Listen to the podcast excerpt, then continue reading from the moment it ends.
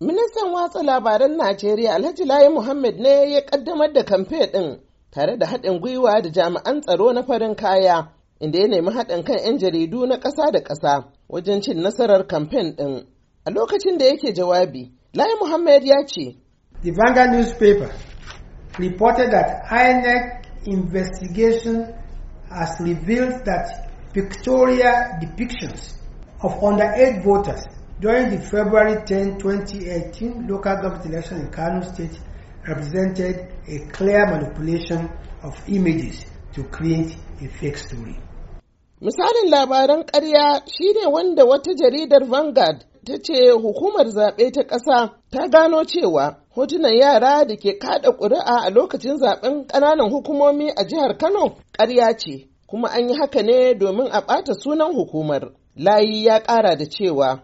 Gory pictures from other lands are circulated freely via Facebook, WhatsApp, and Twitter, purportedly being from the killings in Jos or Benue State. A ƙoƙarin ci gaba da haddasa fitintunu da ɓatinci a jihohin Plateau da Benue tsakanin al'umma an ɗauko hotuna daga wasu ƙasashe ana yayata su ta shafukan sada zumunta na Facebook da WhatsApp da Twitter da gangan saboda a ruruta wutar fitina a ƙasa. Bincike ya nuna cewa mutane miliyan 150 ne ke da wayoyin salula a ƙasar, kuma ta waɗannan hanyoyin sadarwa ne ake yayata muggan kalamai wanda ke zama wa al'umman ƙasa da mahukunta ƙalubale. Wasu 'yan majalisar ƙasa sun nuna goyon bayansu ga wannan yunkuri. Sunana Harabu Shehu Rijau, ɗan majalisar tarayya da ke wakiltar ƙaramar hukumar Rijau da magama a jihar Niger. To alhamdulahi gaskiya halin da wannan ƙasa take ciki yanzu da abubuwa da ke faruwa a cikin akan maganar labarin bogi gaskiya yana ɗaya daga cikin abun da ke kawo matsaloli a najeriya.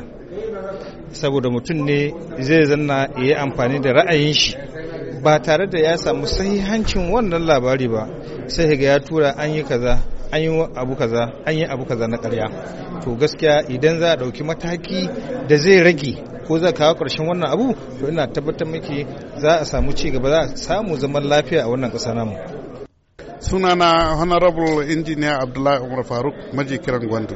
A wannan abin ai abin da ya kamata a ce an yi ne tuntuni. Sannan kuma ina ganin waɗanda ya kamata a ce ma sun ba da gudunmuwa ga wannan al'amarin da gwamnati ta ɗauko su ne su 'yan jarida. Dama makasudin aiki na farko na su 'yan jarida shine su tabbatar da cewa sun ilmantar da mutane da labari wanda yake na ƙwarai ne wanda yake kuma mai amfanar da jama'a.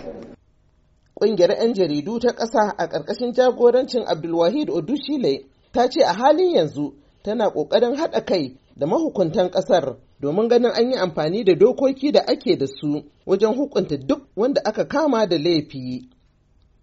Madina Dauda, sashen Hausa na muryar Amurka daga Abuja, Najeriya.